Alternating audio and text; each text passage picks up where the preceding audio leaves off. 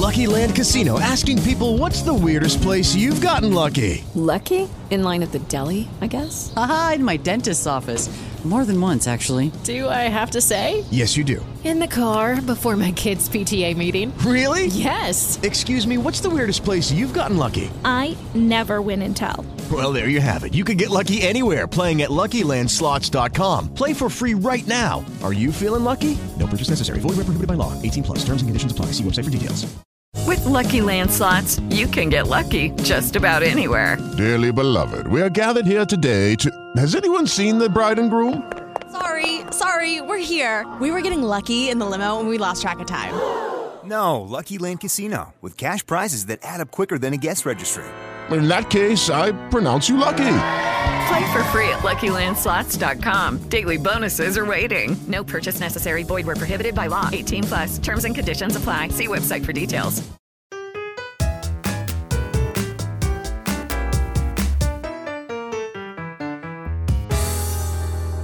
Hjertelig velkommen til Kulturhuspodden, en podkast for deg som har et hjerte som banker lite grann ekstra for kulturlivet på Frøya.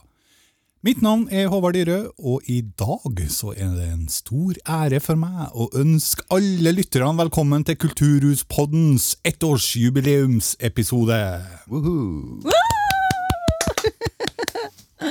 Som alltid så starter jeg med å presentere mine flotte medarbeidere og podkastkollegaer. Den eh, fryktløse, snakkesalige og kreative Mona Skarsvåg, god dag. Tusen hjertelig takk. God Grat- dag. Gratulerer med dagen. Takk det samme. Takk for det. Ja, hvordan har du det i dag, du? Er? Jeg har det kjempebra i dag. Har du? Ja, ja, ja. Du har fått sånn farge i ansiktet òg. Tusen takk. Jeg håper du syns den er brun. Nei, du, du er brun og fin, og det er tydelig at det har vært sol på Sistranda de siste dagene. Alltid sol på Sistranda. Er det det? Likeens som på Dyrøya, det, vet du. Ja, men der er det alltid finvær. Ja ja, det er ikke vær her. Nei. Ja, um, Kulturhuspodden eh, er jo ingenting uten en ekte nordlending eh, som stadig vekk kaster sine hemninger til fordel for sin rolle i denne podkasten. Torbjørn Benjaminsen, god dag og gratulerer med dagen. Ja, god dag og takk i likeså, ja. Ja, hvordan har du det, du? Jeg har det fint, jeg. Ja, Det har vært fint vær. ja det har vært deilig. Mm. Hvordan føles det, folkens? Vi er ett år i dag. Skal være helt ærlig, jeg trodde ikke vi aldri kom til å bli det. Nei? Jeg trodde dette her var noe vi starta med eh, som et sånn covid-tiltak, og så endte det med det. Men eh, det her bare fortsetter jo, og vi er jo salig fornøyd og kjempe Hva skal jeg si, da? Vi, vi gir oss ikke, vi. Nei, og vi, og vi tenker at vi skal liksom gå på et år til. Jeg håper nå det, da. Jeg syns dere er knallbra. Ja, vi får bare holde på til vi stuper. Å jau. Og jau. ja. Nei, men det er uansett eh, veldig eh, komfortabelt å vite at vi er på plass alle sammen, så jeg Mm. tror retten og sletten at vi bare setter i gang. ja.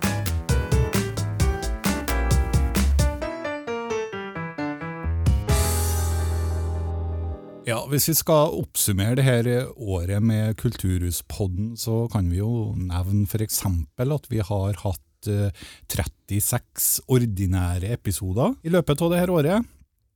Eh, Vi har hatt eh, 24 juleepisoder, Mm. eh, og vi har hatt eh, veldig mange gjester i studio eh, gjennom denne tida. Og vi har spilt inn episoder på Flathval, eh, på Sula, på Bogøya og på Mausen. Men er det noen spesielle minner fra det her året da, Mona, som, eh, som du har lyst til å trekke fram? da? Det må jeg benytte anledningen til å gjøre, ja. Ja, jeg kunne tenkt meg det. Um, jeg syns jo det er fryktelig artig når vi har vært ute på tur, da. Jobba litt i felten. Mm. Det syns jeg var veldig hyggelig. Og så ikke minst intervjuet med en eh, Knut Marius Djupvik når han eh, besøkte Frøya. Mm. Det syns jeg var stas. At han satt her sammen med oss i studio, og vi hadde en kjempegod samtale. Og ja, det var litt artig. Mm. Ja. Enn du da, Torbjørn? Ja, du glemte jo å eh, nevne at vi faktisk også har spilt inn podkast backstage. Ja, det har vi gjort, ja. Bak scenen i Frøya kulturhus. Det var jo artig, det. Ja. Ja. Det er jo ikke alltid det går opp med planene på rom her i huset heller, så Sant nok. da må man være fleksibel. Og vi har vært på Dyrøya og spilt inn podkast. Har vi det? Ja, det har vi, ja. Ja. Vi var hjemme hos meg. Ja, det måtte vi en dag, for det var ikke mulig å få gjort det på en annen måte. Og da vet du, kjørte vi utover og Dyrøya. Ja. Vi var pålagt heimekontor, var det vel. Ja, det var det, ja. Herlighet, altså. Nei, alt for eh, podden vår. ja, ikke sant? Ja. Mm. Nei, jeg minnes jo den turen uh, til Øyrekka i fjor. Når vi skulle ta med oss turistinfoverten vår utover for å bli kjent med Øyrekka. Og jeg tror vi ble litt bedre kjent sjøl òg. Mm. For det var mye hyggelige folk vi traff på, og ja, det var mye som foregår ute i Øyrekka som vi ikke var klar over, Mm. og som helt sikkert også lytterne heller ikke var klar over. Så det var en, eh, synes jeg var en fin, fin dag på jobb. Mm, det var det. Absolutt. Ja, ja det syns jeg det er nå i dag òg. Dere guttene sitter nå og gasser dere med romkake i anledningen. Mhm. Ja, det er tidlig på morgenen, og frokosten den eh, er vel ikke fortært. Det er vel det her som er frokosten hos dere, tenker jeg. Ja, det er ikke hver dag det er blautkake til frokost. Ja, det er vel en frokostdessert for meg, det her, da. Ja, det er det, ja. ja. ja. Nei, men det mm, hører med. Mm. Det er en stor dag. Det er det. Mm.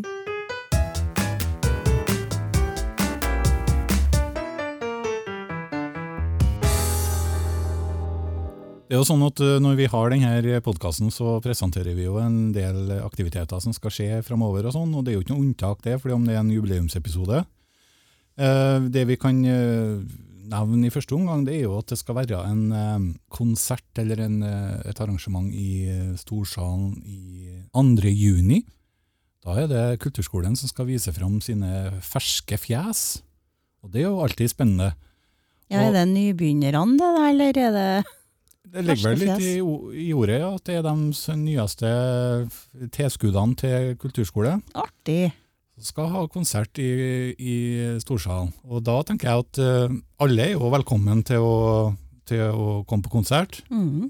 Men jeg tenker litt sånn spesielt på de småbarnsforeldrene som kanskje har, eh, har unger som de har lyst til å melde, melde inn i kulturskolen. Da kan jo være en Ja. fin mulighet for å se hva det er som rører seg i kulturskoleverden. Ja, det var lurt, Håvard. Mm. Mm. Ja. Så 2. juni er det konsert med ferske fjes. Mm.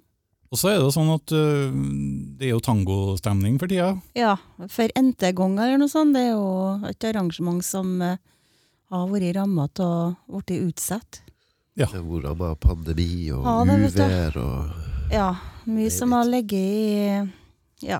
Ja, det ville seg liksom ikke. Nei. Men nå, 8. juni, Mm. da er det tangokonsert i Frøya kulturhus. Ja.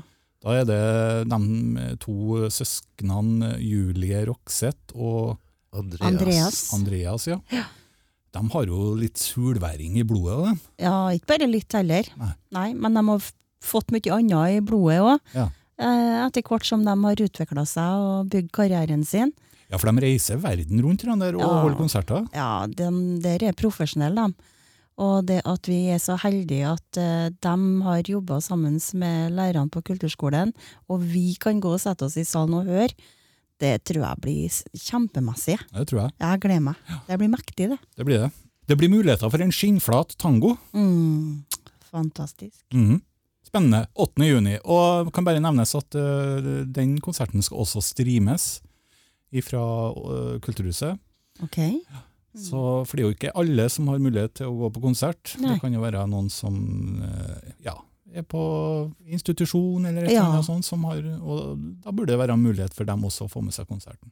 Ja, Da skal vi sende en ekstra påminnelse til Frøya Helsetun om den konserten den kvelden. Absolutt. Mm. Og så da er det jo sånn at eh, til helga så skal det vel være noen som skal trampe seg en tur rundt Frøya, Torbjørn? Det er Tur til Frøya, da. Igjen etter en par års pause, ja. Mm. Ja. Er det noen av dere som har vært med i, i Tur til Frøya noen gang? Og meldt dere på? Ikke som syklist, nei. Det skal ikke jeg skryte på meg, men jeg har vært med i Tur til Frøya i alle de år, med unntak av det aller første året, for da hadde jeg dagvakt på sykehjemmet. Men eh, ellers utover det så har jeg jobba som frivillig i saniteten. Ja. Og det har vært spennende. Man vet jo aldri hvor en kommer opp i. Nei, det er klart. Men eh, på min post så har det aller meste gått eh, bra. Alltid. Så første gangen i år da, at jeg er forhindra i å hjelpe til, så håper jeg bare at det er som før, god stemning, eh, fine folk å jobbe sammen med, og jeg håper at det blir en folkefest som det pleier å være, da. Og for alle dem som hjelper til, så vet jeg at det blir en fin dag. Mm. For jeg har stortrivdes. Men uh, i år så blir jeg borte, dessverre. Ja. Men du Torbjørn, du bruker bruker ha en rolle hvert eneste år når det er tur til Frøya. Ja, vi må vel sette opp uh, et eh, lite spikeranlegg til de i eh, år òg. Ja, Holde litt leven på Sistranda, ja. Ja, de må jo ha eh, kommentarer til eh, start og mål. Mm. Ja, så, Jo, men det, bru ja, men det bruker å være bra med liv i sentrum, da. Det gjør det, og spikerne eh, gjør en god jobb. Ja, vi håper det er bra med liv rundt hele øya når rittet går. Ja, jeg tror konkurransen allerede er i gang for å finne ut eh, ja, tema og hvem som lager mest liv og leven. Det fører jo premier med seg, så mm. Men Hvordan er det med veistandarden? Går det an å sykle rundt Frøya da, uten å ramle ned i et hull? herregud, det har nå vel aldri vært så bra vei rundt Frøya sånn som det er nå. På de verste utsatte plassene som har vært før, da, fra Nordskaie og helt til Gurvikdalen, så har det jo vært en uh, utfordrende del. Men nå er jo det fin passasje, så ja, alt er intakt skal være. Ja. Frøya skolemuseum skal åpnes også, om ikke så altfor lenge. Ja, det er like rundt hjørnet, det. Det er en kjempesvær nyhet. Mm. 1. juni. Ja, hvordan skal begynne den egentlig, da? Jeg kan jo begynne med gammelskolen. da. Ja, gammelskolen. For, det, for det, altså Gammelskolen er jo et begrep som alle kjenner til. Ja. For det er jo en saga i seg sjøl. Ja, det er det. Det er en saga. Mm. Det har du helt rett i. Sagaen om gammelskolen. Ja. Det er et nytt spill. Ja, Neida. Nei da. Eh, bygd i slutten av 1870-tallet. Brukt som folkeskole til langt opp i langt opp i 1900-tallet. 1950, 60, 70, 80 kanskje? Tenker høyt der jeg nå, derfor du ser på meg. Nei, jeg bare jeg tenkte jeg skulle si at jeg bare eta du nå. jeg eter blautkake mens Ja. du prater. Ja, eta du nå. Eh, ja, bygd, eh, brukt som eh, undervisning og skole til i, på 70 70-tallet. Deretter så har det vært stor aktivitet. Det har vært et eh, sted som kulturskolen har hatt eh, tilstedeværelse. Der har vel du hatt undervisning, Håvard? Det har jeg, vet du. Ja. Og så har jo Sistranda skole hatt det som en sånn eh, ja, hva skal jeg si da, grupperom grupperom, arbeidsrom og litt sånn forskjellig opp gjennom årene. Også som trollskole. Ja, det er egen lørdagsskole, det. og så har jo lag og foreninger brukt den. Radio Frøya har jo vært her. Havdur har jo hatt eh, radiobingo der. Der har jeg sittet og lest tall og fått mye kjeft fra innringerne. Men eh, den har ikke stått, og den har stått tom de siste to tiårene, egentlig. Men før den tid så har det vært voldsomt til aktiviteter. Så den har hatt stor betydning for eh, Sistranda og Frøya. Har den. Og nå, nå skal den åpnes igjen. Ja, de siste tre årene så har den jo ligget tett i eh, den politiske behandlinga, men den ble jo vedtatt å, å bli bevart. Stå der den står og bli en del av det miljøet den står i. Eh, frivillige har eh, brukt utallige timer med Jeg kan ikke kalle det oppussing, for det er ikke det det er, men det er tilbakeføring eh, til det som eh, var litt mer eh, det opprinnelige preget, da, opprinnelige bruken, og det opprinnelige uttrykket i skolen. Ja, for Det som var litt stilig, det var det at når man eh, begynte å rive av dere kall det for moderne panelingene og, så- og gulvbeleggene og sånne, mm. Ja, så var det jo plutselig havna vi jo tilbake til, ja eh, overgangen. til det opprinnelige. Ja. Så nå er det tilbakeført til to undervisningsrom, to klasserom, for å si det sånn, da.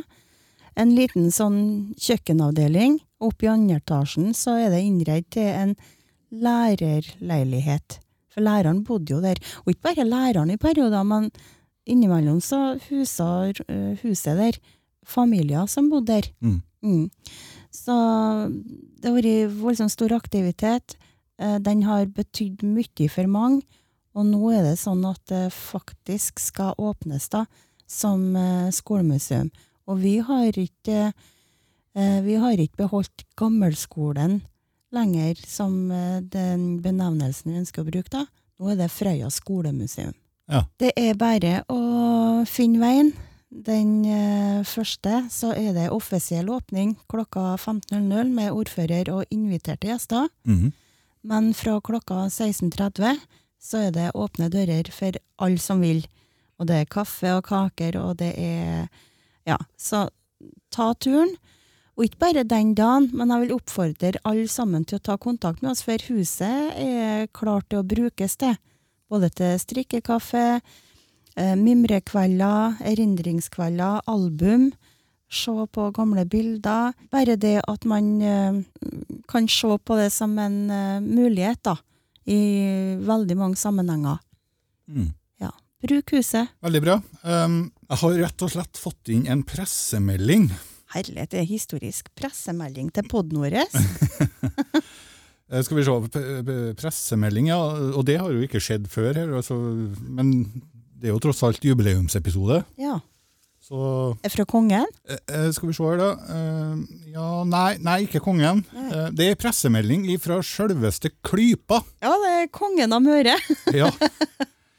Kjellen og co. har hatt ei meget ufrivillig pause i turnélivet, og slår nå tilbake for fullt. I 20 år har denne herlige gjengen berika livet til folk i hele Noregs land, og nå er de klar for å feire 20-årsjubileum. Showet har fått tittelen Klypa 20 år og like forbanna. Har det noen gang vært et tidspunkt for å fortelle alt en kan verte forbanna på? Neppe. Ord kan ikke beskrive dette showet, det må sjølsagt oppleves. Så hiv deg rundt og kjøp billett. Vi gleder oss. Det høres jo spennende ut. Ja, ja, venter bare på fortse- fortsettelsen. jeg. Eh, skal vi se um, Ja, ikke sant? Fordi at Klypa kommer til Frøya kulturhus eh, den 28. september. Og da blir det garantert en hysterisk artig opplevelse. Det er lenge siden Klypa besøkte oss. Det var artig, ja. Ja, det står her at det muligens var i 2015. Det kan stemme, ja. Mm. Sju år siden. Billettsalget det starter 3. juni. Det er en dato dere må merke Oi, dere. da. det er snart. Neste uke, det. Ja. Og billetter det kjøper du på fkksenter.no eller frøyaarena.no. Eh, Det er også mulig å kjøpe billetter i resepsjonen hos oss i Frøya kulturhus, hvis du foretrekker det.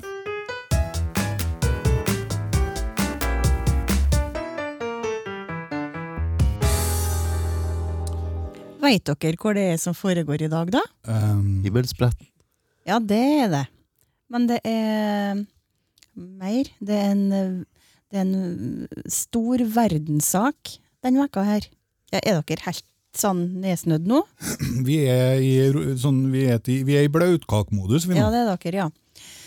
Men for å si det sånn, da. Alle damer, i hvert fall i min alder, er veldig klar over at det er en ny verdenspremiere med Top Gun. Jeg kan ikke skjønne at vi damene er interessert i fly og motor og smorning og sånn, eller? Ja, jeg skjønner jo det, da. Ja. Det kan jo ikke være han Maverick. Eller eh, Maverick. Maverick. Tom Cruise, vi var jo så Jeg vet ikke, vi var forelska i han i hvert fall på 80-tallet. Ja. Nå kommer han igjen. Herregud, hvor vi gleder oss. Men den filmen der, den får veldig gode anmeldelser. Seksere. Ja. Mm.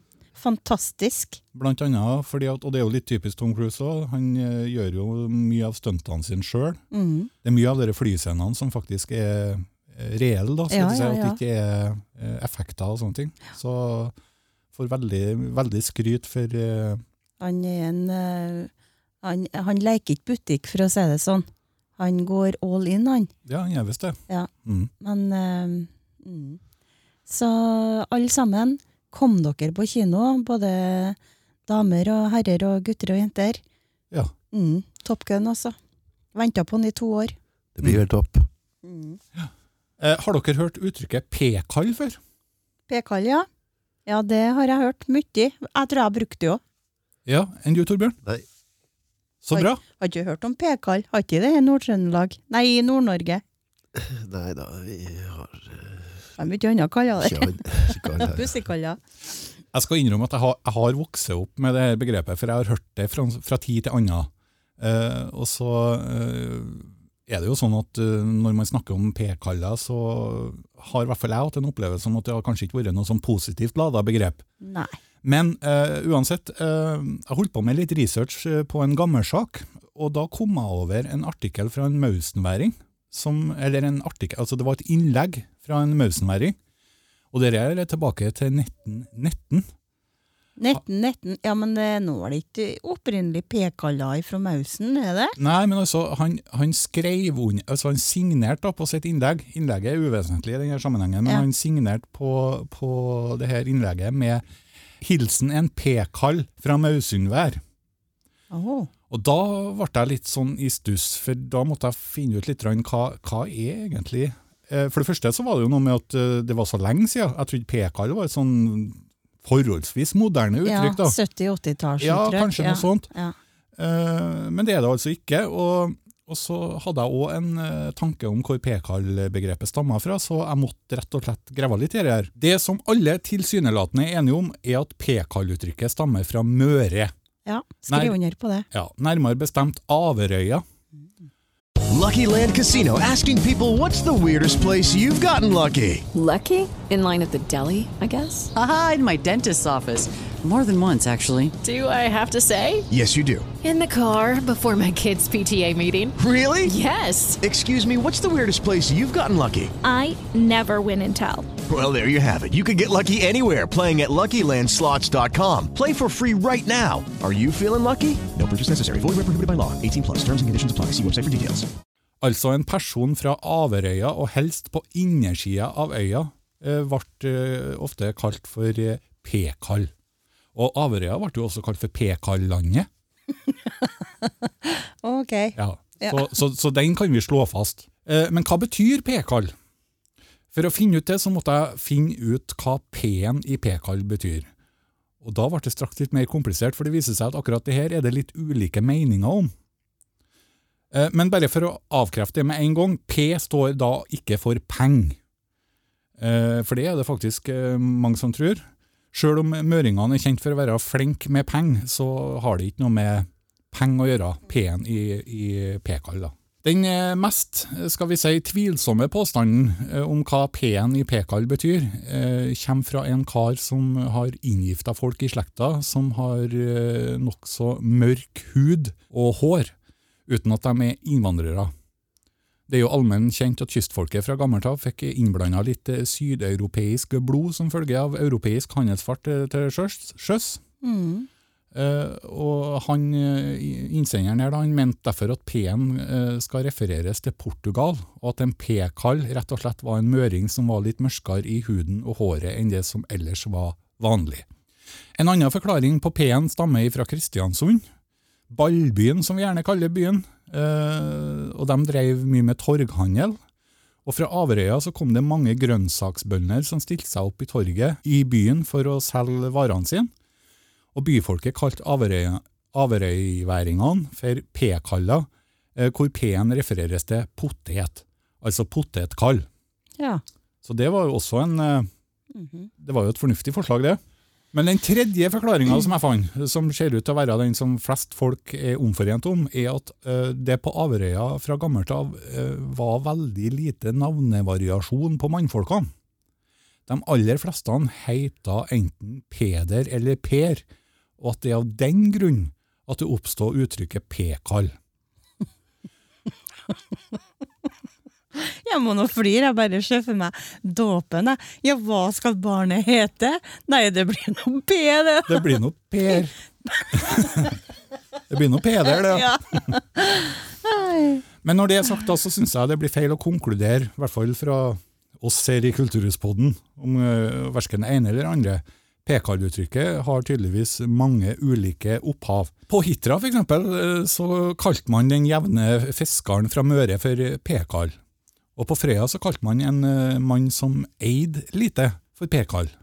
Eh, og så er det da litt uklart om P-kall er et positivt eller negativt uttrykk. Averøyværingene sjøl var, og er, veldig stolt over P-kall-begrepet.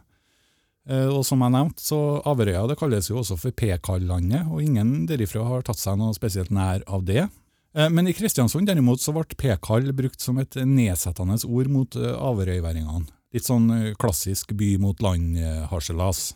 Og i dag så må jeg innrømme at det i, de tilfellene jeg har hørt Pekall-uttrykket blitt nevnt, så har det gjerne vært litt negativt. For eksempel hvis en person ikke får til noen ting, så kan vedkommende få slengt Du er nå en bra p-kall, du òg. Mm. Ja, så det er litt i den gata der, da.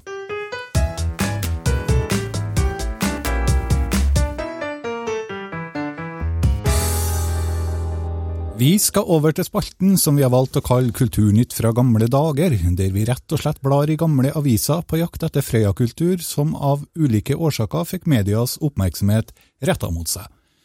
Eh, og før vi begynner med det, da, så må jeg, jeg, bare må få lov til å si det at eh, vi har hatt et digert teknisk problem i podkaststudio i dag, og det er faktisk første gangen vi har hatt.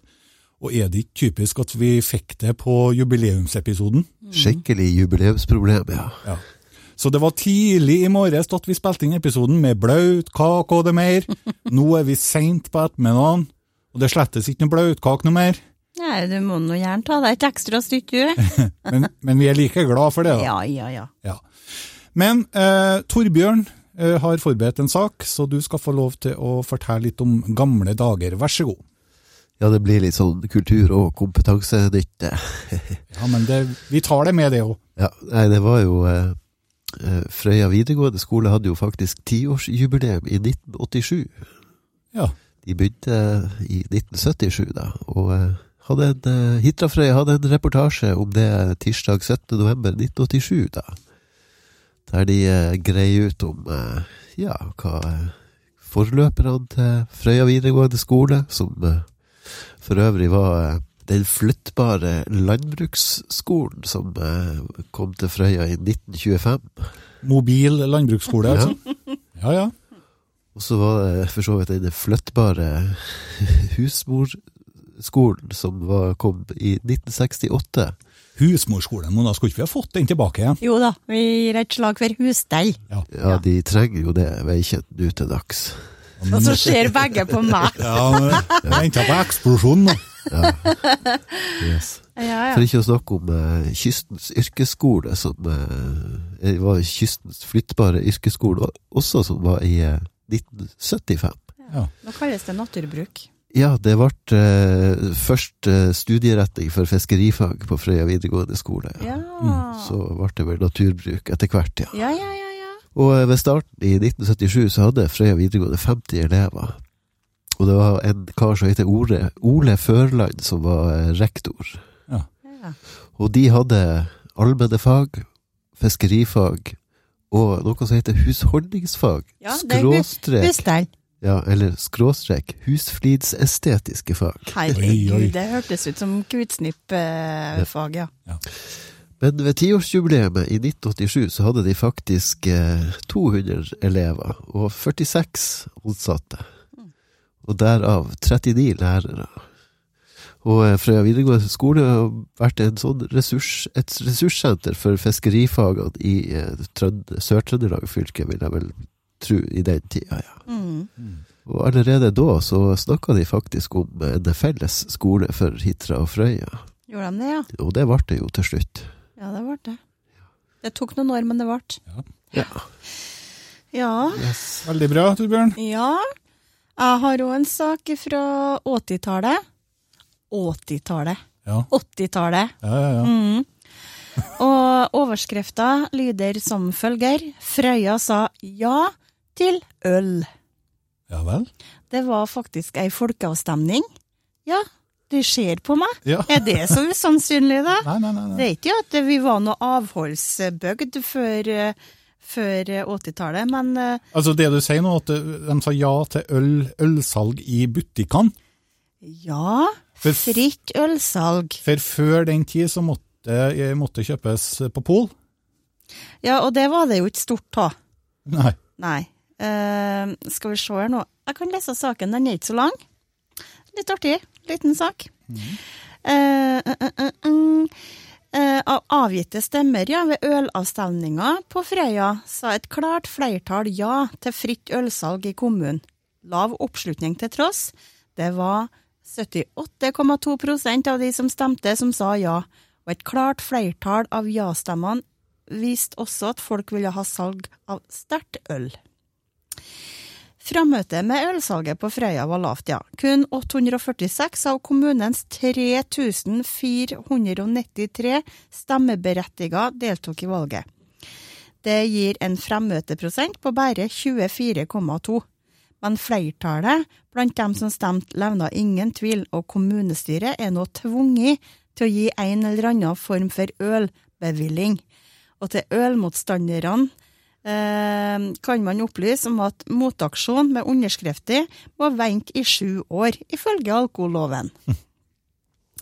Så det var altså et soleklart ja. 846 ja, freværinger deltok i valget på en mandag. Og kanskje at det var derfor det var lav oppslutning, da. Ja, for de har vært på fest? Ja, de har vært på fest, vet du. Og så tenkte de at ja, herregud, mandag skal vi stemme, det her blir bra, øl vil vi ha. Og så mandag kommer da, og en helsikes bakrus, og så tenkte de nei, herre, skal ikke vi ha noe av, nei, vi holder oss hjemme. ja, nei, det var noe så. Mm. Eh, skal vi se, da. Eh, videre her, da. Eh, ja, uh, de sa ja til øl i skatteklasse 2, mens 184 stemte nei til øl, og to stemmer ble forkasta. I prosent viser det at 78,2 ja sier ja til ølsalg, mens 21,7% sier nei. Av de 78,2% som sa ja, vil 88,6% av disse også ha salg av sterkt øl. Så altså, vi har vel vært eh, til tider øltørst utpå her, da. Ja. Må nå nesten bare si det. Jeg tror ikke hvis du hadde hatt samme avstemninga i dag, så har vel kanskje oppmøtet blitt langt større. Jeg husker jeg kjøpte øl i min ungdom på slutten av 80-tallet, på Ølmonopol i Vesterålen. Ja. Ja, ja, ja. ja. Det var vel der de fant opp ølmonopol, tenkte jeg. Nei da. Tøysing med det. nei, det var det nok ikke. Nei da. Nei, men også eh, Han kan jo bare reflektere litt over det, da, hvor lite tilgjengelig det var i den tida. Hva de drikker i stand. Og nå, i dag, får du kjøpt det på nesten et kvart eh, hjørne. Det er jo ikke akkurat danske tilstander ennå, men det er, det er stor tilgang på drikke, og vi nyter det til god mat. Ja. I mange sammenhenger så vet vi egentlig ikke hvor bra vi har det i dag. Nei, vi har det godt, ja. Takk skal du ha. Um, jeg har en sak, og den saken er faktisk en del to av uh, forrige episodes uh, uh, gammelsak fra min side. Det handla da altså om en Bjørnulf Ervik. Jeg fortalte om frøyværingen Bjørnulf Ervik som sommeren 1944 ble arrestert av tyskerne og sendt til Falstad fangeleir på Ekne i Nord-Trøndelag. Eh, Falstad kan nok defineres som en utrydningsleir, spesielt av eh, østeuropeiske fanger, i skogholtet like ved leiren. Der ble over 200 fanger skatte, henretta, i løpet av krigen. Over 100 av dem var fra Sovjetunionen, 74 var fra Jugoslavia, mens 43 av dem var nordmenn. Og så kom vi til de tre Falstad-fangene Wilhelm Boska fra Alta, Sigfred Lien fra Molde og Bjørnulf Ervik fra Frøya. De hadde fått mer enn nok av fangetilværelsen på Falstad fangeleir. Og nå gikk det jo rykter om at, den, om at de, de tyske fangevokterne skulle bruke dem som levende skjold eh, i tilfelle russerne kom. Så eh, nå ville de tre fangene prøve å rømme. Men å rømme fra Falstad det var jo selvsagt eh, livsfarlig, og de fleste som har prøvd tidligere, eh, de ble oppdaga og tatt. Og dem så man som, som gjernest aldri igjen, da. Det var Bjørnulf Ervik som var pådriveren for å rømme, og han var mesterhjernen bak planene. Og som jeg fortalte i forrige episode, så hadde han, Bjørnulf og de to andre, andre fangene av plassmangel i selve fangeleiren, så har de blitt flytta til en gård like ved, hvor fangetilværelsen var mye friere, da. Og Her fikk de drive gården, og Ervik han holdt på mye med tømmerkjøring, med hest og sleder. Og I den forbindelse hadde han blitt kjent med ei kjerring på en annen gård i nærheten. Og Han har fått overtalt henne til å ta imot eh, skiutstyr og sekk og tre hvite kamuflasjedrakter som han har klart å få tak i. Eh, Fra stasjonsmesteren på Ronglan så hadde han fått tak i et, et kart over området. Og fra en annen lokalkjent hadde, hadde Nærvik fått gode råd om ei fluktrute over til Sverige. Så de var godt forberedt, da, kan du si. 21. februar 1945, seint på kvelden, etter at den tyske vakta hadde hatt eh, inspeksjon, så ble rømningsplanen iverksatt. Det var en klar og fin vinterkveld, veldig kaldt ut. Eh, Det holdt på å gå galt nesten med en gang, da en jogger plutselig passerte de tre rømlingene som sto i veikanten. Det var en av de tyske vaktene som var på vei til en eh, kjæreste i nærheten. Men han brydde seg jo sjølsagt ikke om de tre rømlingene som sto i veikanten, det var vel andre ting som sto i hodet hans akkurat der og da. Eh, De kom nå seg av gårde og fikk tak i skiutstyret og kamuflasjedraktene, og hun kjerringa på den gården hun har lagt oppi litt mat oppi sekkene deres og sånn. Um, og så gikk de da, på ski, og de kom til jernbanen på Ronglan, og der var det litt skummelt å passere. De hadde hørt at det brukte å være tyske vakter som hadde vaktpost der. Men denne kvelden så var det ikke en tysker å se, så de kom seg greit videre derifra. De kryssa riksvei 50, som den gangen var den gamle hovedveien mellom Oslo og ja, Nord-Norge. da. Og i halv seks-tida var de kommet til Markabygda. Her traff de ei dame, og når hun spurte hva slags folk de var, så ble de litt uforsiktige og fortalte at de hadde rømt fra Falstad. Og en annen kar som, eh, som de traff, eh, han viste dem på kartet hvor de skulle gå derifra for å komme seg til en grenselos som kunne ta dem et stykke videre østover mot Sverige. Og Da de traff grenselosen, da var klokka halv, nei, halv åtte om morgenen, og om ikke lenge så begynte det å lysne.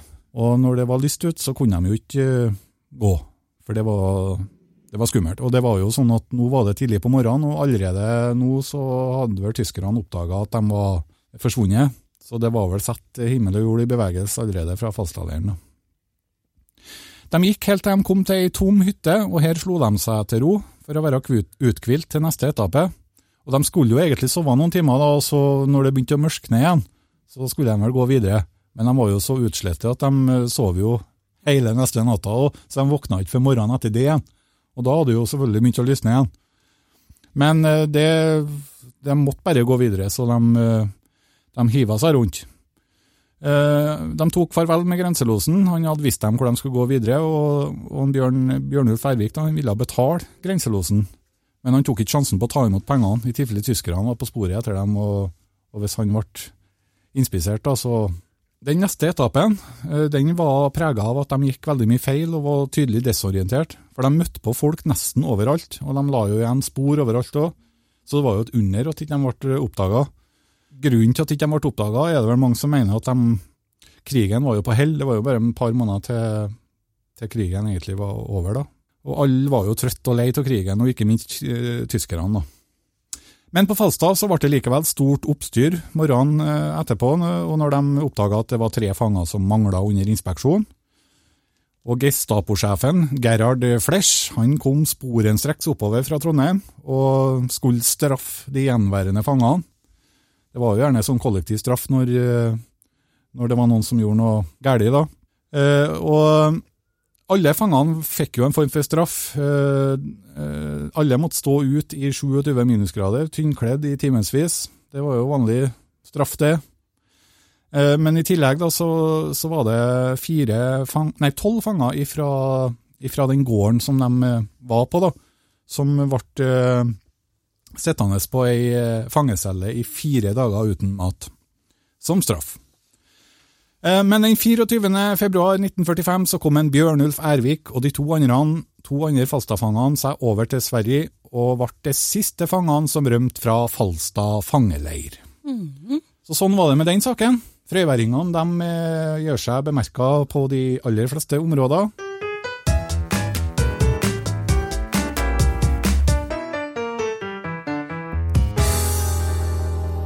Da har vi kommet til veis ende, og jeg må si det, det ble en lang episode. Ja. Men eh, det, det fortjener en eh, jubileumsepisode. Ja. ja, vi kom nå ikke til, det er nå du som har snakka, Ja, det er det. Ja, det er det. Jeg har vært litt ivrig i dag. Ja, du har det. Ja. Mm. Ja, Du har vært, vært i jubileumsstemning. Ja. Jeg har det, vet du. Vi skal ta det, vi skal ta det igjen. Men uh, Torbjørn, du skal få lov til å avslutte uh, denne jubileumsepisoden. fordi at uh, For det første så er du vel ikke den som snakker mest av oss. Men for det andre så bruker du å ha en rottestubb på lur. Så med, med Torbjørns rottestubb så ønsker vi våre lyttere ei eh, riktig god helg når den tida kommer. Mm. Lang helg. Og så kan dere alle sammen ta et lite blautkakestytt dere òg, for Ja, feir med oss, og så gleder dere til neste sesong. Vær så god, Torbjørn. Jau da, vi får vel eh, ta en liten historie fra Nord-Norge om eh, for lenge siden, om eh, fire nonner som sto i eh, kø eh, og skulle bekjenne sine synder til presten. Hun første hun kommer fram og sier, velsigne meg, fader, for jeg har synda. Jeg har sett på snabben til en kar. Jeg, presten han eh, var enig i at det her var syndefullt, men eh, hun kunne jo selvfølgelig få tilgivelse hvis hun eh, vaska øynene sine i hellig vievann.